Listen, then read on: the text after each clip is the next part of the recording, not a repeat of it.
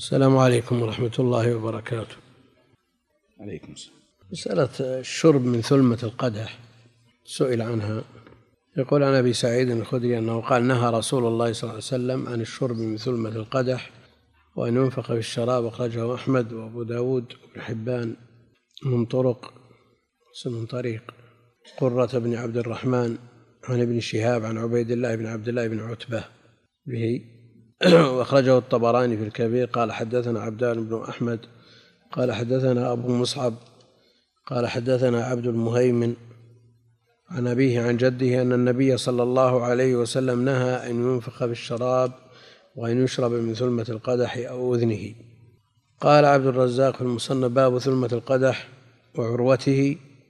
قال أخبرنا عبد الرزاق عن معمر عن جعفر الجزري عن يزيد عن يزيد بن الأصم عن أبي هريرة أنه كره أن يشرب الرجل من كسر القدح أو يتوضأ منه.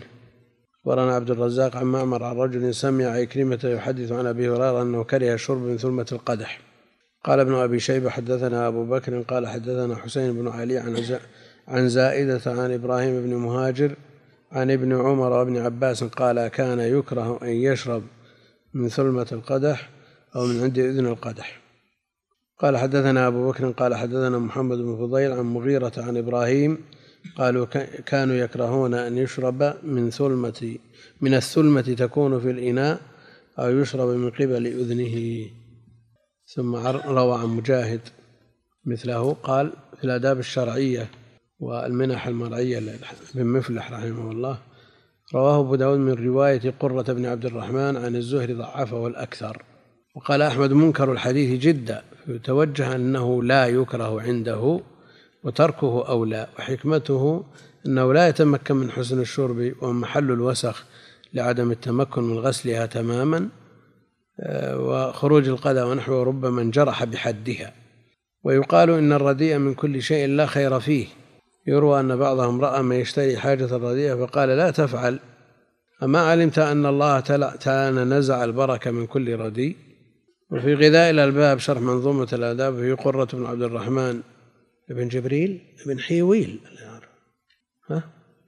قرة بن عبد الرحمن. شوف الثاني من التقريب أبو عبد الله. قرة بن عبد الرحمن بن جبريل يقول هذا. قرة. ها؟ خلنا نشوف نضبط نراجع الحفظ. يصير بعد خطأ. الحفظ خوان. بن عبد الرحمن. حيويل نعم. المصري قال في الآداب الكبرى ضعفه الأكثر ها؟ ضعفه الأكثر وقال الإمام أحمد منكر الحديث جدا فيتوجه أنه لا يكره عنده تركه أولى انتهى وقال الحافظ المنذري بعد ذكره عن الإمام أحمد أنه قاله منكر الحديث جدا وضعفه ابن معين. وقال ابن عدي أرجو أنه لا بأس به. وصح حديثه ابن حبان وأخرج له مسلم مقرونا بعمرو بن الحارث. وغيره انتهى. وتبين أن الحديث معلول ومختلف في ثبوته وعلى كل حال ترك الشرب من الثلمة من أنواع الكمال وحسن الامتثال سيما والرديء من كل شيء لا خير فيه. إلى آخر ما ذكره صاحب الآداب الشرعية. ثم قال قال في المستوعب ولا يشرب محاذيا للعروة ويشرب مما يليها وظاهر كلام غيره أن هذا وغيره سواء. ولهذا لم يذكره ابن الجوزي وصاحب الرعاية وغيرهما من ذكر أدب ذلك. وقد قال تعالى يطاف عليهم بصحاف من ذهب وأكواب. واحدها كوب إناء مستدير لا عروة له. لا أذن له قال ابن الجوزي لأن العروة ترد الشارب من بعض الجهات. باب العلة من النهي عن ذلك. قال قال ابن حبان ذكر العلة التي من أجلها زجر عن هذا الفعل قال أخبرنا محمد بن الحسن بن قتيبة قال حدثنا حرملة بن يحيى قال حدثنا ابن وهب قال أخبرني يونس عن ابن شهاب عن عبيد الله بن عبد الله عن أبي سعيد الخدري قال نهى رسول الله صلى الله عليه وسلم عن اختناث الأسقية أن يشرب من أفواهها. هذا غير الثلمة. هذا غير هذا حديث آخر. النهي عن عن الشرب من في السق من في السقاء هو اختناث الأسقية. وعلته كما في الشعب البيهقي قال أن رجلا شرب من فم السقاء فانساب في بطنه جان فنهى عن اختناث الأسقية. وجاء في شرح معاني الآثار قال حدثنا محمد بن خزيمة قال حدثنا حجاج قال حدثنا حماد عن ليث عن مجاهد قال كان يكره الشرب من ثلمة القدح وعروة الكوز وهم قال هما مقعدا الشيطان. فلم يكن هذا النهي من رسول الله صلى الله عليه وسلم على طريق التحريم بل كان على طريق الإشفاق منه على أمته إلى آخر ما قال. قال الخطابي إنما نهي عن الشرب من ثلمة القدح لأن الثلمة لا يتماسك عليها شفة الشارب فإذا شرب منها تصب الماء وسال على وجهه وثوبه. وفي جامع الأصول إنما نهي عن الشرب من ثلمة القدح لأنه ربما تصبب الماء وسال قطره على وجهه وثوبه لأن الثلمة لا تتماسك عليها شفة الشارب كما تتماسك على الصحيح. وقيل لأن الثلمة مقعد الشيطان وذلك أن الثلمة لا تكاد تتنظف فيكون شربه على غير نظافة وذلك من فعل الشيطان. قال ابن القيم زاد المعاد وفي سنن أبي داود من حديث أبي سعيد الخدري قال نهى رسول الله صلى الله عليه وسلم عن الشرب في ظلمة القدح وأن ينفخ, أن ينفخ في الشراب وهذه من الآداب. التي يتم بها مصلحة الشارب فإن الشرب من ثلمة القدح فيه عدة مفاسد. أحدها أن ما يكون على وجه الماء من قذى أو غيره يجتمع إلى الثلمة بخلاف الجانب الصحيح. والثاني أنه ربما شوش على الشارب ولم يتمكن من حسن الشرب من الثلمة. الثالث أن الوسخ والزهوم تجتمع في الثلمة ولا يصل إلى الغسل كما يصل إلى الجانب الصحيح. الرابع أن الثلمة محل العيب في القدح. وهي أردأ مكان فيه فينبغي تجنبه وقصد الجانب الصحيح فإن الرديء من كل شيء لا خير فيه. ثم قال رأى بعض السلف رجل يشتري حاجة الرديء إلى آخر ما ذكره ابن مفلح. ذكر من لا يرى بالشرب بأسا من ثلمة القدح قال ابن حزم في المحلى مسألة والشرب من ثلمة القدح مباح لأنه لم يصح فيها نهي إنما النهي عن ذلك من طريق ابن وهب عن قرة بن عبد الرحمن عن الزهري عن عبيد الله بن عبد الله عن أبي سعيد مسندا وقرة هذا بن عبد الرحمن بن حيوئيل حيويل وهو ساقط وليس هو قرة بن خالد الذي يروي عن ابن سيرين ذلك ثقة مأمون. ومن طريق ابن أبي شيبة قال حدثنا حسين بن علي الجعفي قال حدث عن زائدة عن إبراهيم بن مهاجر عن مجاهد عن ابن عباس وابن عمر أنهما كره أن يشرب من ثلمة القدح ومن عند أذنه ولا يعرف لهما مخالف من الصحابة وقد خالفهما هؤلاء. شلون؟ ذكر من يرى أن النهي الكراهة في التمهيد لابن عبد البر وأكثر الآثار إنما جاءت بالنهي عن التنفس في الإناء. وقد قلنا إن المعنى واحد والنهي عن هذا نهي أدب لا نهي تحريم. لأن العلماء قد أجمعوا على من على أن من تنفس بالإناء ونفخ فيه لم يحرم عليه بذلك طعام ولا شراب ولكنه مسيء. إذا كان بالنهي عالما وكان داود بن علي وكان داود بن علي القياسي الذي ينكر القياس يقال له قياسي ها؟ ظاهري. لكن القياسي يعني نسبته إلى القياس وهو ينكر القياس لعله من كثرة كلامه في القياس ونفيه. نعم. لا ما يثبتون قياس. ظاهرية ما يثبتون. يقول إن النهي عن هذا كله وما كان من وما كان مثله النهي تحريمه قول أهل الظاهر. لا يجوز عند واحد منهم أن يشرب من ثلمة القدح ولا أن يتنفس في الإناء ومن فعل شيئا من ذلك كان عاصيا لله عندهم إذا كان بالنهي عالما ولم يحرم عليه طعامه. مسألة النقل عن ابن حزم مباح لأنه لا يصح فيه نهي.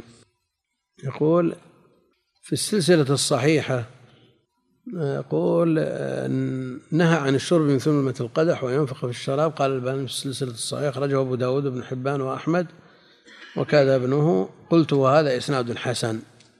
رجاله كلهم رجال مسلم لو ما لو ما في قرة بن عبد الرحمن من الكلام. وقال الحافظ اسمه يحيى صدوق وله مناكير. قلت لكن لحديثه شواهد تدل على صحته وأنه قد حفظه. أما الشطر الثاني فله شواهد كثيرة النفخ في الشراب. تقدم ذكره في الحديث الذي قبله وأما الشطر الأول فيشهد له حديث أبي هريرة نهى أن يشرب من كسر القدح. قال الهيثم بن مجمع رواه الطبراني في الأوسط ورجاله ثقات الرجال الصحيح. وحديث سهل بن سعد أن النبي صلى الله عليه وسلم نهى أن ينفخ في الشراب وأن يشرب من ثلمة القدح رواه الطبراني في عبد المهيم بن عباس ضعيف. وعن ابن عباس وابن عمر قال يكره أن يشرب من ثلمة القدح وأذن القدح. رواه الطبراني رجاله رجال الصحيح. ثم ذكر الشيخ موضع آخر من الصحيحة. نهي أن يشرب من كسر القدح قال الباني في الصحيحة. أخرجه الطبراني في المعجم الأوسط من طريق موسى بن إسماعيل أبي سلمة التبوذكي. قال أخبرنا عبد الله بن مبارك عن جعفر بن برقان عن يزيد بن الأصم عن أبي هريرة قال فذكره على البناء للمجهول ولم يذكر فيه النبي صلى الله عليه وسلم وقال لم يروي عن جعفر بن برقان ولا عن ولا عن معمر إلا ابن المبارك. تفرد به موسى بن إسماعيل قلت كلا بل تابعه عبد الرحمن بن مهدي عن عبد الله بن مبارك به أخرجه ابو نعيم في الحلية. وهذا حديث صحيح وإسناده صحيح. رجال ثقات رجال مسلم. وقال الهيثمي رواه الطبراني في الوسط رجاله ثقات رجال الصحيح. ثم قالوا عن ابن عباس بن عمر قال إلى آخره قلت في إسناده نعيم بن حماد ضعيف وإنما أخرجه البخاري فقط مقرونا وتقدم لو شاهد من حديث أبي سعيد مرفوعا بإيش وهذا الحديث مفسر له مثل هذا يعني من باب الأدب أن يجتنب ومن باب المحافظة على الصحة لأن العلة ظاهرة في كون الثلمة لا يتمكن الغاسل من تنظيفها وقد يتأذى به الشارب لأن الكسر يؤذي يؤذي الشارب وهناك العلة الثالثة ذكروها وهو أنه قد يتناثر عليه الماء على وجهه ولحيته وثيابه لا سيما إذا كان في وقت يتأذى به كشدة البرد مثلا. فهذه العلل تجعل اجتنابه أولى وإن لم يثبت الخبر والله المستعان. سم.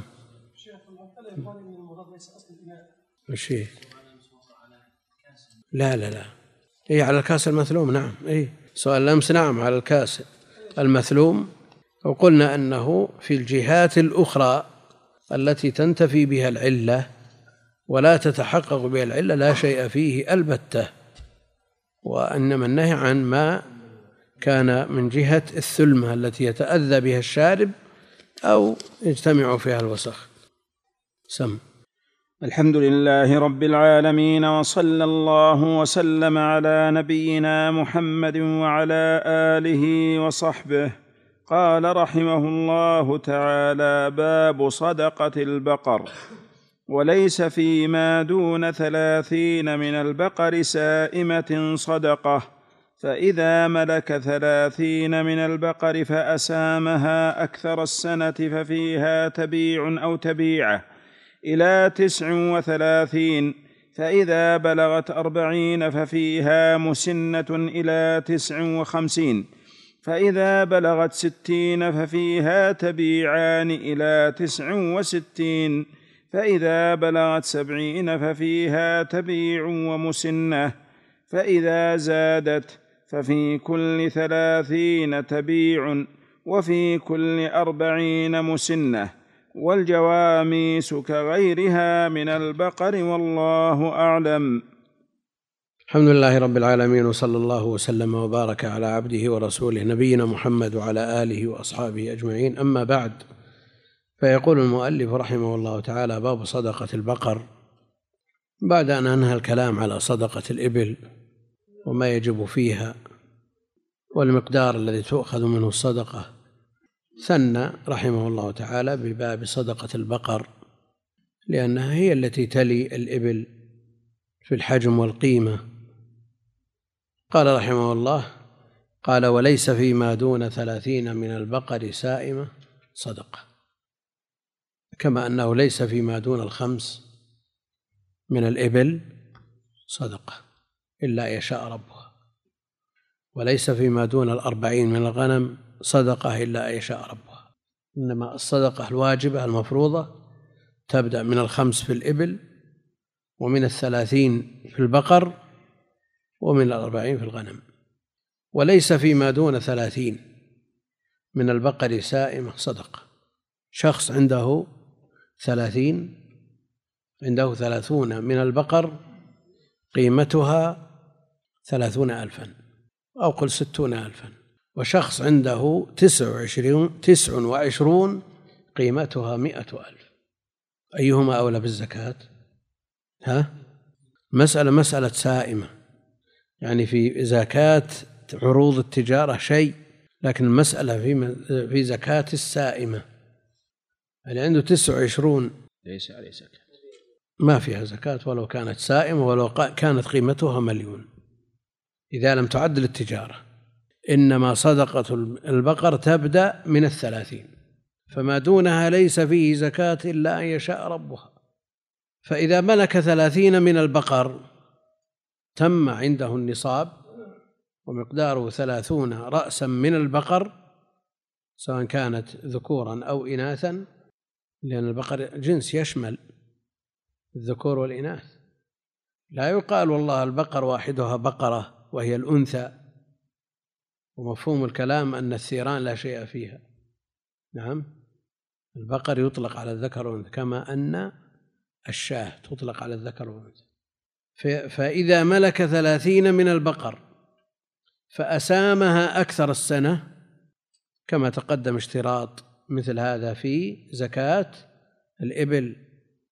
وهذا قول جمهور أهل العلم اشتراط السوم خلافا لمالك. وقد جاء ذكر السوم في النصوص.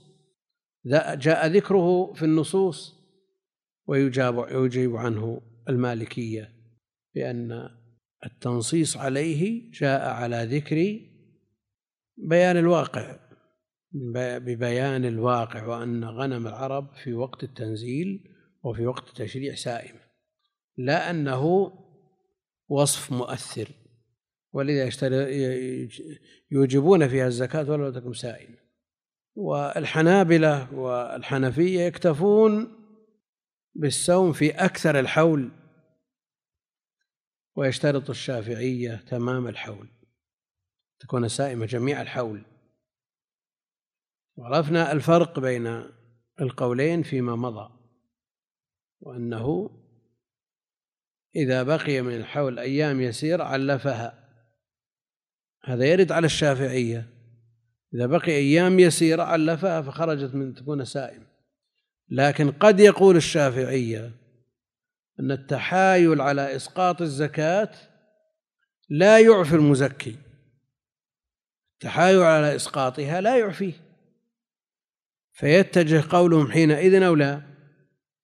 يعني فرق بين أن تكون بهيمة الأنعام عند زيد أو عمرو سائمة أكثر الحول ثم ينتهي العشب من الأرض فيشتري لها علفا وبين أن تكون عنده سائمة ثم إذا دخل الشهر الثاني عشر والعشب موجود قال نشتري لها علف هذا إنما اشترى لها علف لماذا؟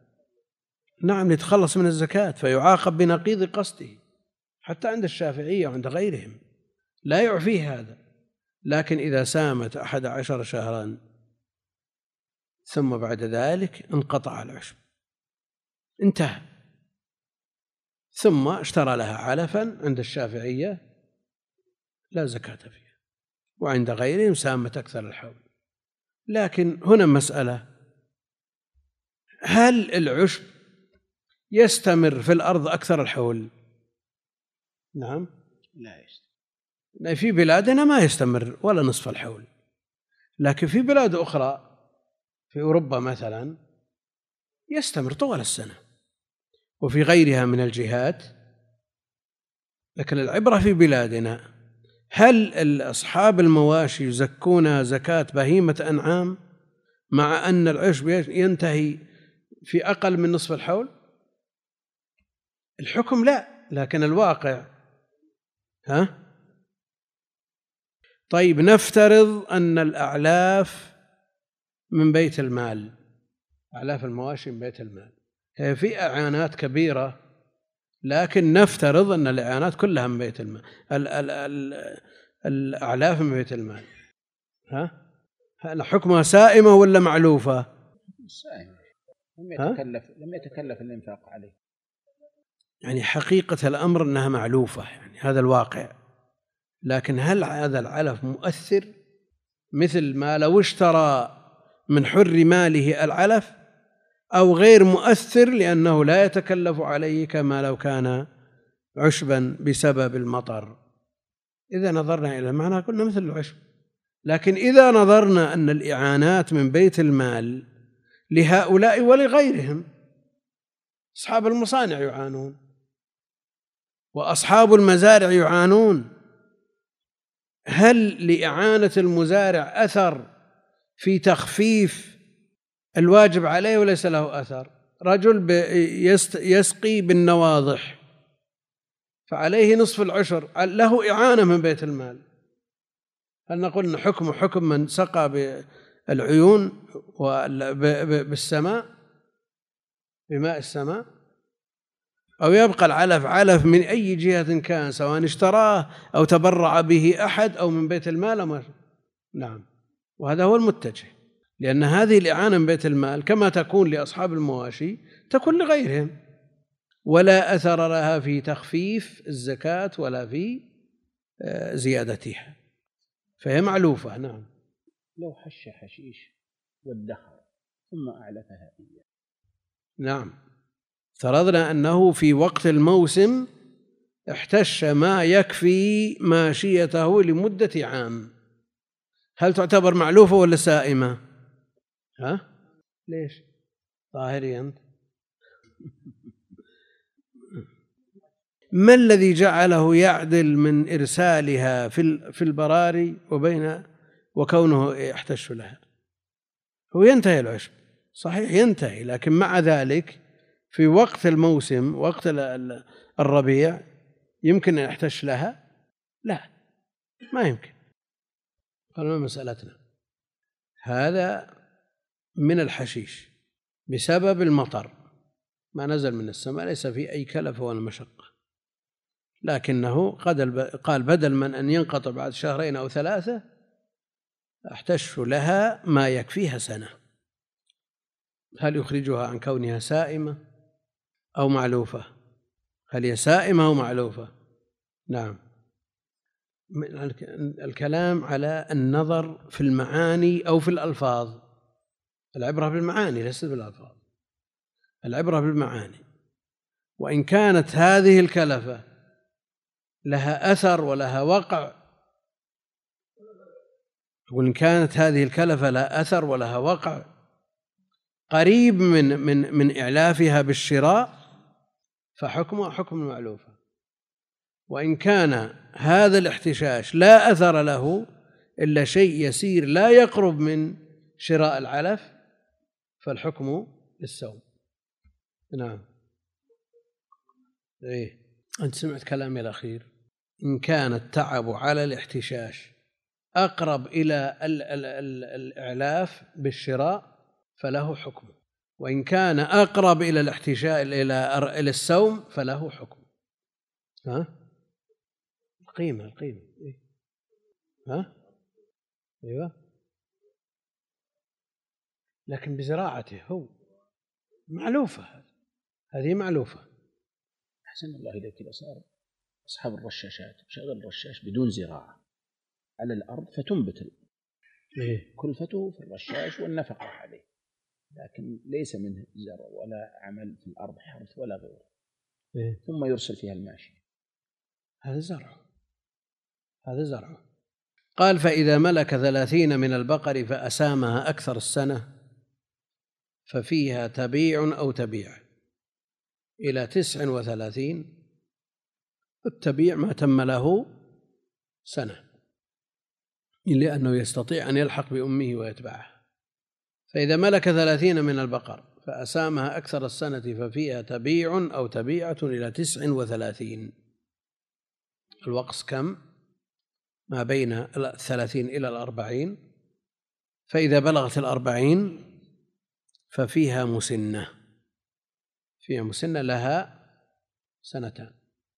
إلى تسع وخمسين. الدليل على ذلك حديث معاذ. حينما بعثه النبي عليه الصلاة والسلام إلى اليمن وأمره أن يأخذ من كل حال من دينارا ومن كل ثلاثين من البقر تبيع أو تبيع ومن كل أربعين مسنة.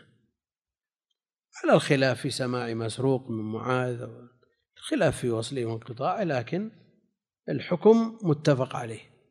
ليس فيما دون الثلاثين من البقر ذكر عن بعض السلف أنه أوجب زكاة البقر في العشر.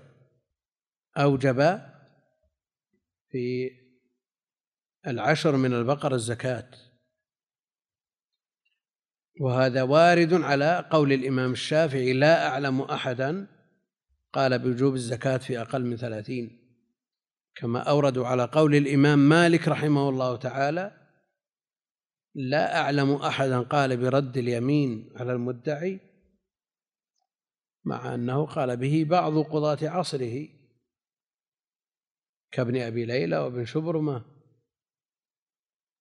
فهذا مذكر في الإيراد على الأئمة. وعلى كل حال القول غير معتبر. والنصاب يبدأ من الثلاثين عملا بحديث معاذ الذي تلقاه الناس بالقبول وإن كان في إسناده ما فيه. فإذا بلغت أربعين ففيها مسنة.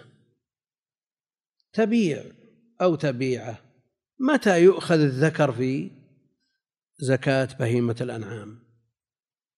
يؤخذ فيما تقدم ابن اللبون عن بنت المخاض. ما تقدم هذا؟ يؤخذ. يؤخذ هنا التبيع. إذا كان النصاب كله ذكور في الإبل مثلا كلها ذكور. عنده مئة رأس من الإبل كلها جمال ذكور. يؤخذ ولا ما يؤخذ؟ لا لا يؤخذ. لا يؤخذ. ليس الأصل أنه من جنسها يا شيخ الزكاة. نعم. ليس الأصل في الزكاة أنه من جنسها. كيف يؤخذ حينئذ لا تفرق بين زكاة خمسة وعشرين من الإبل وست وثلاثين؟ هم وجب في خمس وعشرين بنت مخاض وإلا فابن لبون ذكر. ست وثلاثين بنت لبون إذا كانت ذكور أخذنا ابن لبون. ما في فرق بين الخمس والعشرين والست وثلاثين. بهذا احتج العلماء على عدم أخذ الذكور في زكاة الإبل. إلا فيما إذا لم يجد بنت مخاض فابن لبون ذكر. لأن تتداخل الأنصبة. أظن هذا ظاهر مستند قوي. قد يقول قائل إذا أخذنا ابن اللبون عن بنت المخاض لماذا لا نأخذ عن بنت اللبون سن أعلى منها ذكر؟ إذا كان النصاب كله ذكور. ها؟ شو؟ الآن العدول من بنت بنت المخاض إلى ابن إلى ابن اللبون معقول العلة ولا غير معقول؟ معقول العلة لما بين الذكر والأنثى في هذا الصنف من المال من الأثر؟ نعم. فإذا كان معقول العلة وأخذنا ابن اللبون عن بنت المخاض لماذا لا نأخذ عن بنت اللبون سن أعلى منها ذكر؟ وهو إيش؟ حق ولا جذع؟ حق. نعم. لكن لا يقال أحسن الله عليك إنه يؤخذ بدل بنت المخاض ابن مخاض لا. على أساس يكون من جنسه. لا. ولا يكلف رب الإبل أن لا مكتوب بالنص هذا. فإن لم تكن بنت مخاض فابن لبون ذكر. يقال إنه خرج مخرج الغالب. لأن قل أن توجد إبل كلها فحول أما بالنسبة لزكاة الإبل فمنعوا من ذلك للعلة التي أشرت إليها. طيب عندنا الغنم البقر. فتبيع أو تبيعة؟ لكن فيها مسن في الأربعين؟ لا. مسنة. في كل أربعين في كل ثلاثين يعني إذا صارت مثلا متى تجتمع الفريضة؟ إذا زادت على نعم مئة وعشرين. مئة وعشرين يجوز أن تخرج عنها أربعة أتبعة. ذكور. ويجوز أن تخرج عنها ثلاث مسنات ويبقى أن الذكر خاص بالتبيع في هذا ولا يتعدى إلى المسن. قال فإذا بلغت أربعين ففيها مسنة إلى تسع وخمسين. يعني من من الأربعين إلى الستين الوقص عشرين. وبين الثلاثين والأربعين عشر ثم بعد ذلك يكون الوقص عشرات. ما في عشرين إلا في هذا الموضع. منهم من يقول أنه جادة الزكاة في, الغ... في, في البقر ماشية على العشر. فإذا كانت خمسين مثلا وش فيها؟ مسنة ما في شيء للعشر؟ لأن الجادة في زكاة البقر بالعشر تحسب. منهم من قال إذا زادت عن الأربعين إلى الستين ففيها الستين تبعان ما فيها إشكال لكن تسعة وخمسين. وزيادة. ما فيها زيادة؟ هذا اللي مشى عليه صاحب الكتاب من فيها مسنة أربعين وستين تبعان. هذا ما فيه إشكال. لكن بعضهم يقول إن هذا الوقص على خلاف ما جاء في زكاة البقر أن أوقاصها بالعشرات. فماذا يقول؟ يصرف البقر إلى غنم أو يعادلها بالإبل. نعم. تسعة وخمسين. ما وصل نصف مسنة إلى الآن. تسعة وخمسين. ما وصل نصف مسنة. الآن البقرة عن كم في الأضحية؟ نعم عن سبع. اضرب التسعة عشر في سبعة أو الخمس أو خمسة عشر أي رقم عندك. إلى الخمسين ما فيه إشكال لأن لو قاس العشر ما ماشي على الجادة. لكن إذا زادت عن الخمسين يبيك تضرب الزيادة هذه في سبع. تخرج زكاة غنم. منهم قال تعادلها بالإبل؟ فالخمس عن خمس. فيها شاة. مثل ما ذكر عن أبي حنيفة في زكاة الإبل في بعض الأوقاص. على كل هذا هذا القول قوي ولا ضعيف؟ ضعيف. لأنه سيأتينا في وقص الغنم. ما هو أشد من ذلك؟ من أربعين إلى مائة وعشرين. من أربعين إلى مائة وعشرين فيه شيء؟ ما في شيء. هذا أشد. ثمانين رأس من الغنم. فمثل هذا إدخال النظر في المسائل التوقيفية لا شك أنه خلاف الصواب. فإذا بلغت ستين ففيها تبعان. إلى تسع وستين فإذا بلغت سبعين ففيها تبيع ومسنة لأنها عبارة عن ثلاثين وأربعين. فإذا زادت سبعين تبيع مسنة ثمانين. مسنتان. نعم فيها مسنتان. تسعين ثلاثة أتبعة. مئة تبعان ومسنة. مئة وعشرة تبيع ومسنتان. مئة وعشرين تستوي الفريضة إن شاء أخرج أربعة أتبعة وإن شاء أخرج ثلاث مسنات والجواميس كغيرها من البقر. لأنها نوع منها لأنها نوع منها وكما أن البخاتي نوع من الإبل فتحسب معه فتحسب معه نعم بقر الوحش تحسب ولا ما تحسب؟ هل بقر الوحش من بهيمة الأنعام من الأصناف الثمانية؟ ها؟ هل تجزئ في الأضحية؟ لا ليست منها سم للدر والنسل ملكها للدر والنسل وتبلغ الثلاثين وليست سائمة. أو سائمة. إذا كانت سائمة فيها الزكاة لأي هدف كانت. وإذا كانت غير سائمة فلا زكاة فيها حتى تعد التجارة. لا ما هو بتجارة. مثل اللي يشتري عمارة ويأجره. على على نتاجها ما ليس عليها. نعم.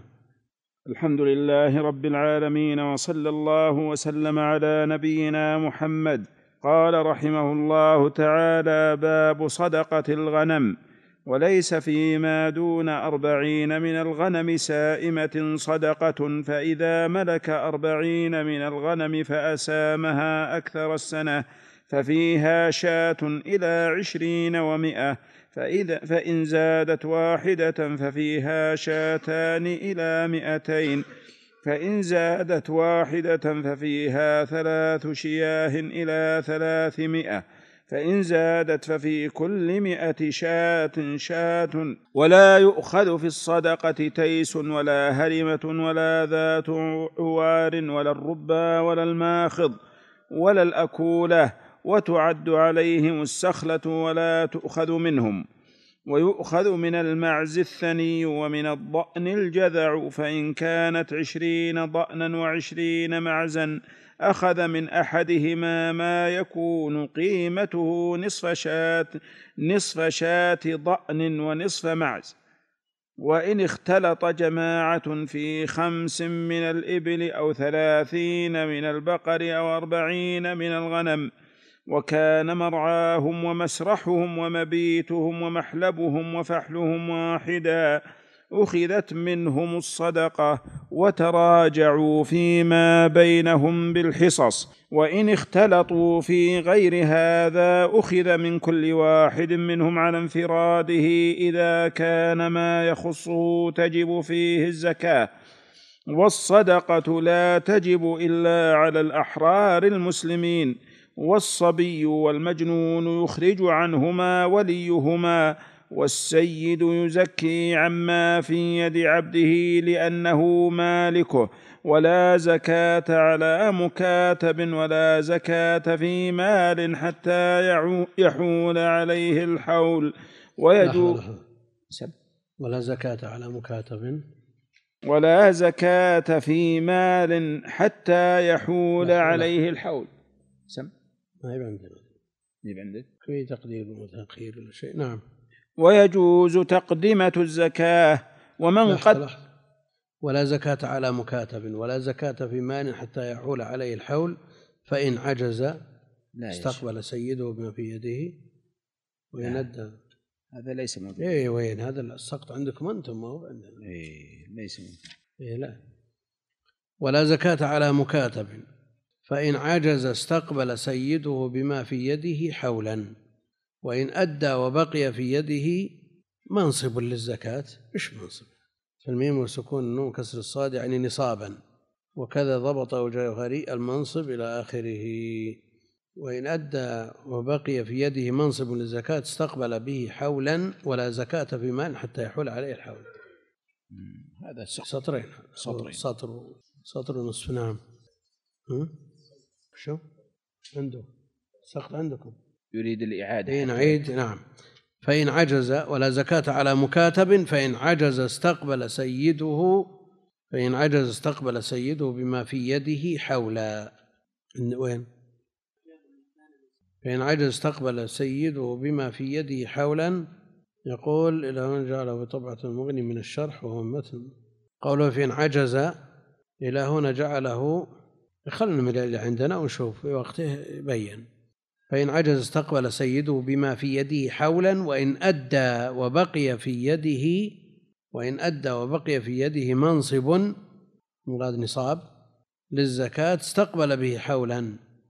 استقبل به حولا ولا زكاة في مال حتى يحول عليه الحول. ويجوز تقدمة الزكاة ومن قدم زكاة ماله فأعطاها لمستحقيها فمات المعطى قبل الحول أو بلغ الحول وهو غني منها أو من غيرها أجزأت عنه. ولا يجوز إخراج الزكاة إلا بنية إلا أن يأخذها الإمام منه قهرا. ولا يعطى من الصدقة المفروضة للوالدين وإن علوا ولا للولد وإن سفل. ولا للزوج والزوجة ولا لكافر ولا لمملوك إلا أن يكونوا من العاملين عليها فيعطون بحق ما عملوا ولا لبني هاشم ولا لمواليهم ولا لغني وهو الذي يملك خمسين درهما أو قيمتها من الذهب ولا يعطى إلا في الثمانية الأصناف التي سمى الله عز وجل إلا أن يتولى الرجل إخراجها بنفسه فيسقط العامل وإن أعطاها كلها في صنف واحد أجزأه إذا لم يخرجه إلى الغنى. ولا يخرج الصدقة من بلدها إلى بلد يقصر في مثله الصلاة.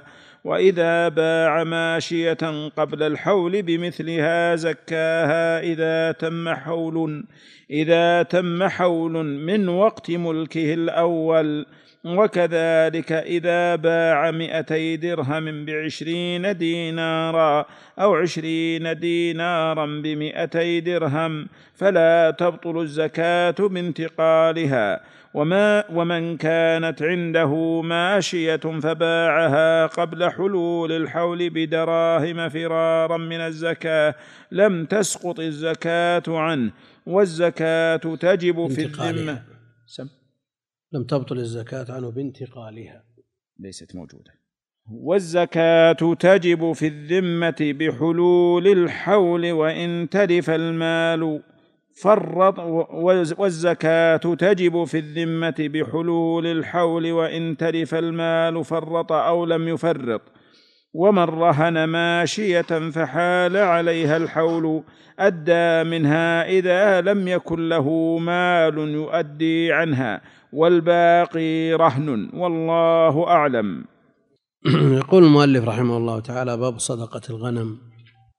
قال وليس فيما دون أربعين من الغنم سائمة صدقة عرفنا الحد الأدنى من الإبل وهو الخمس وليس فيما دونها صدقة إلا أن يشاء ربها. والحد الأدنى من البقر وهي الثلاثون وليس فيها صدقة إذا لم تبلغ الثلاثين إلا أن يشاء ربها. وكذلك الغنم ليس فيما دون الأربعين من الغنم. التعديل بين بهيمة الأنعام بما جاء في باب الهدي والأضاحي أو فيما في باب الغنائم وارد في الزكاة أو غير وارد. يعني في باب الهدي والأضاحي البدن عن سبعة والبقرة عن سبعة في باب المغانم البدنة عدلت بعشر. هل نقول أن هذا التعديد يدخل في هذه الأبواب؟ أبدا لا مدخل له في في باب الزكاة بدليل أن النصاب ثلاثين في البقر وأربعين في الغنم. يعني لو دخل قلنا ثلاثين من البقر في سبع كان الحد الأدنى من نصاب الغنم 210 فلا مدخل للتعديل الذي أومأ إليه بعضهم في وقص زكاة البقر الذي أشرنا إليه سابقا. ولو كان له مدخل في باب الزكاة لما كان الفارق بين البقر والغنم عشر في النصاب. قال وليس فيما دون أربعين من الغنم سائمة صدقة. يعني إلا أن يشاء ربه كما في الخبر. إذا أراد أن يخرج من من من ماشيته شيء لم يجب عليه بطوعه واختياره له أجره. لكن المسألة في الإلزام. لا يلزم بإخراج شيء قبل تمام النصاب لأن تمام النصاب من شرط وجوب الزكاة. هذا في زكاة بهيمة الأنعام إذا كانت سائمة. أما إذا أعدت للتجارة فقد يجب في الواحدة. إذا كانت قيمتها مئة درهم. من نصاب الذهب والفضة من تزكى زكاة عروض التجارة. إذا أعدت للتجارة. قال وليس فيما دون أربعين من الغنم سائم صدقة فإذا ملك أربعين من الغنم فأسامها أكثر السنة وفيه من الكلام ما تقدم في صدقة الإبل وصدقات البقر. من خلاف المالكية وخلاف الشافعية. فأسامها أكثر السنة ففيها شاة إلى عشرين ومائة مفازة. يعني لو أخذنا بالحساب لقلنا العشرين والمئة فيها ثلاث. وهي في في الحديث حديث أنس والمطابق لما عند المؤلف المئة والعشرين فيها واحدة كالأربعين. مما يدل على أن هذا الباب لا لا مدخل للرأي فيه. فإذا ملك أربعين من الغنم فأسامها أكثر السنة ففيها شاة إلى عشرين ومائة إلى عشرين ومائة فإذا زادت واحدة مئة وواحد وعشرين ففيها شاتان إلى مئتين. يعني شخص عنده مئة وعشرين والثاني عنده مئة وواحد وعشرين. هذا عليه واحدة وهذا عليه اثنتان. لكنه الشرع لكنه الدين لكنه الاستسلام لله جل وعلا. ثم بعد ذلك يستوي من عنده مئة وعشرين إلى من عنده مئتين. قالوا قدم الإسلام لا تثبت إلا على قنطرة التسليم. وش معنى اللي عنده أربعين عليه شاة واللي عنده مئة وعشرين عليه شاة؟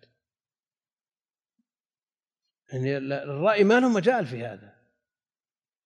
لكن ليس على المسلم إلا أن يقول سمعنا وأطعنا.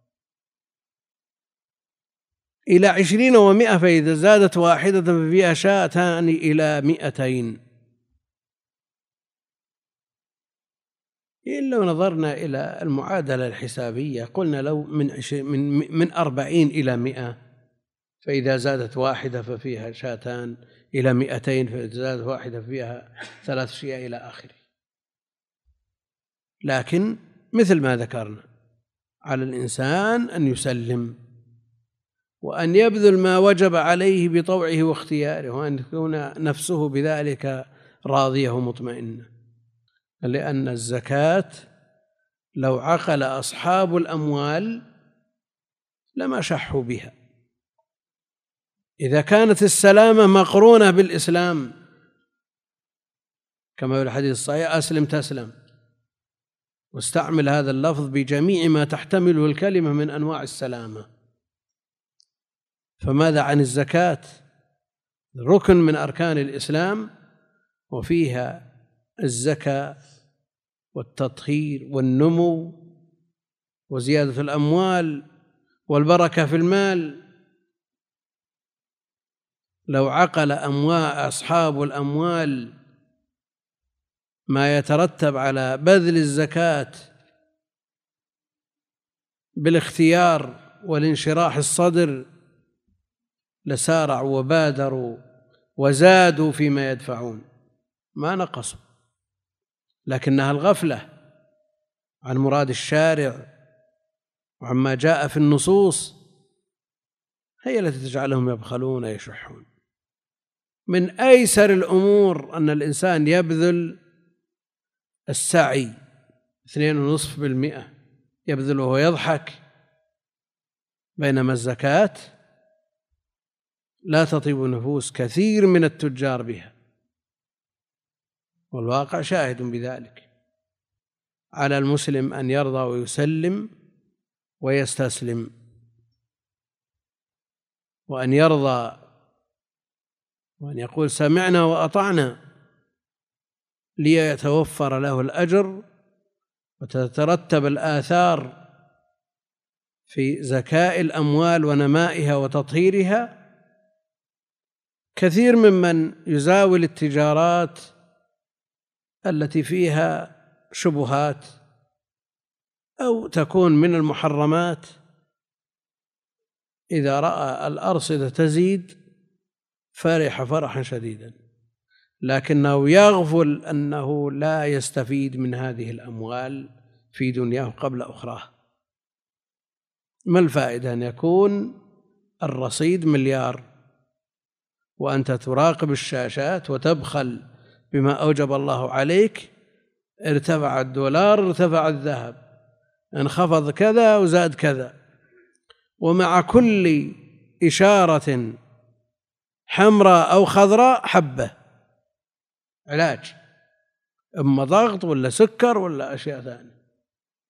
كان المؤشر أخضر أخذ حبة ضغط أو سكر أو العكس كان أحمر. لأنه كان المؤشر أخضر وفاتها اليوم ما اشترى شيء. نعم. أصيب بالغم والهم ولا ينام. ثم ماذا؟ نسأل الله العافية. ولذلك القناعة والكفاف هو الذي يسعد به الإنسان.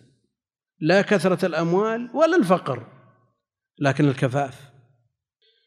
نعود إلى درسنا فإذا زادت واحدة فيها شاتان إلى مئتين. فإذا زادت واحدة فيها ثلاث شياه إلى ثلاثمائة الآن مئتين واحد فيها ثلاث شياه. ثلاثمائة ثلاث شياه. كما قلنا في مئة واحد إلى مئتين إلى مئتين واحدة. طيب. إلى ثلاثمائة في ثلاث شياه فإن زادت واحدة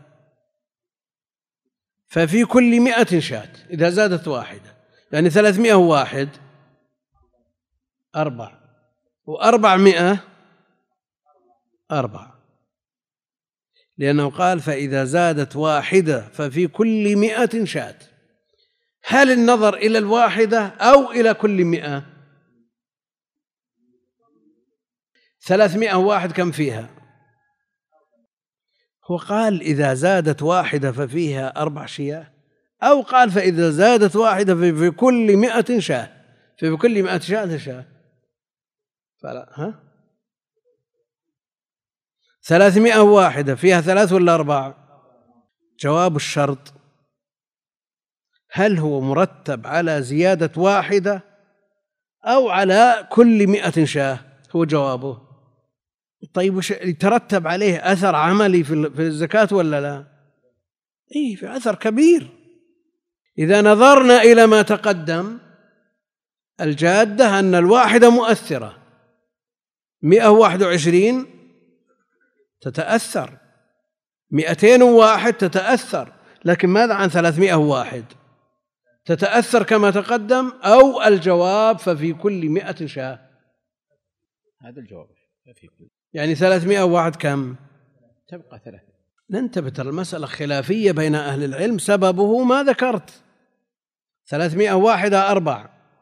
طيب الجملة الشرطية فإذا زادت يعني ولو واحدة كما تقدم التنصيص عليه فيما تقدم فالجواب جواب الشرط. ففي كل مئة شاة. مفهومه أن لو زادت واحدة أو عشر أو عشرين أو تسعين ما لم تبلغ المئة أنها ما فيها شيء. لكن المذهب أن لو زادت واحدة على الثلاثمائة ففيها أربع شيعة. هذه من المسائل التي اختلف فيها أبو لا يا شيخ لا. ليست منها. ها؟ ليست منها يا شيخ. ها؟ اي اي نعم.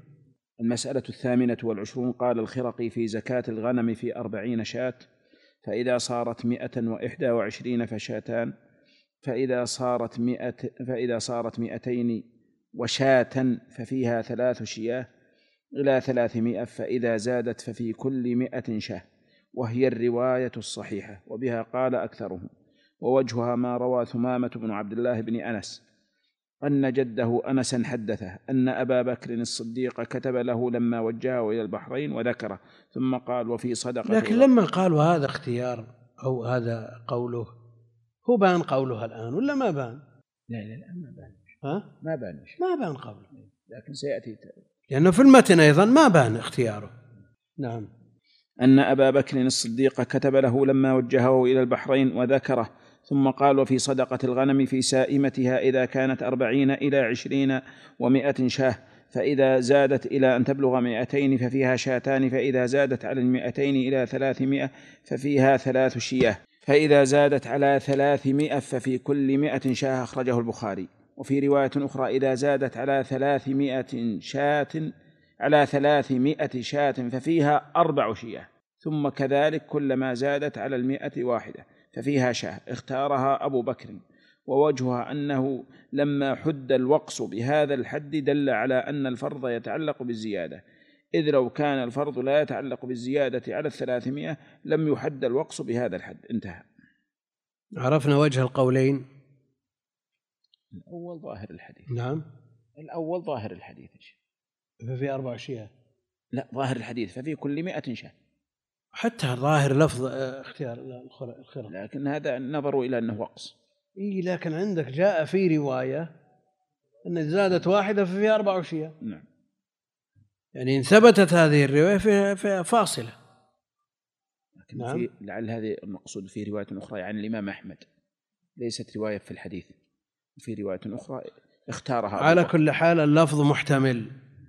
لأن زيادة الواحدة معتبرة في في في الأنصبة المتقدمة. معتبرة في الأنصبة المتقدمة وللواحدة أثر فيما تقدم. وجواب الشرط يدل على أنه لا زكاة فيما دون المئة. لأنه قال فإن زادت ففي كل مئة شاة شاة. فهموا أن لو صارت ثلاثمائة وتسعين أن فيها ثلاث شياه تأثير الواحدة فيما تقدم في مئة وواحد وعشرين ومئتين وواحد يؤيد كلام أبي بكر غلام الخلال. وجواب الشرط في قوله فإذا زادت ففي كل مئة شاة شاة يؤيد كلام الخرقي وإن كان ما واضح كلامه في هذا لكن الاستدراك عليه باختيار أبي بكر من قبل القاضي يدل على أن قوله غير قول أبي بكر وأن وأنه يختار الاحتمال الأول. وعليه يدل جواب الشرط. نص أبو بكر على أن الخرقي خالف في هذه المسألة لأن لأن أبا بكر في أول المسائل قال خالفني الخرقي في مسائل وذكرها وذكر من هذه المسائل. من المخالف المتقدم أو المتأخر؟ المتأخر لا شك. ها؟ لكن هم من المخالف ومن المخالف؟ إيه نريد أن نخلص إلى شيء. معاصر له يعني ما بينهما فرق في الزمن. لكن من اللي تكلم أولا ثم خالفه الثاني؟ أبو المتقدم الخرقي والمخالف أبو بكر. هو نعم أبو بكر خالف الخرقي طيب في كتاب للإمام المجدد رحمه الله مسائل الجاهلية التي خالف فيها رسول الله أهل الجاهلية أو رسول الله أهل الجاهلية. رسول الله خالف أهل الجاهلية. هل الذي على الأصل الرسول هو الأصل؟ نعم. فمن يخالفه تقدم أو تأخر يقال مخالف. فالصواب في التسمية مسائل الجاهلية التي مسائل التي خالفوا التي خالف فيها رسول الله صلى الله عليه وسلم أهل الجاهلية. لكن ما يقال صيغة المخالفة؟ تقتضي الفعل من الاثنين يا شيخ. مفاعلة. لكن يبقى أن الذي على الجادة هو الأصل. ومن يخالفه يقال له مخالف. ولا يؤخذ بالصدقة نقف على هذا. صل على محمد وعلى آله وصحبه.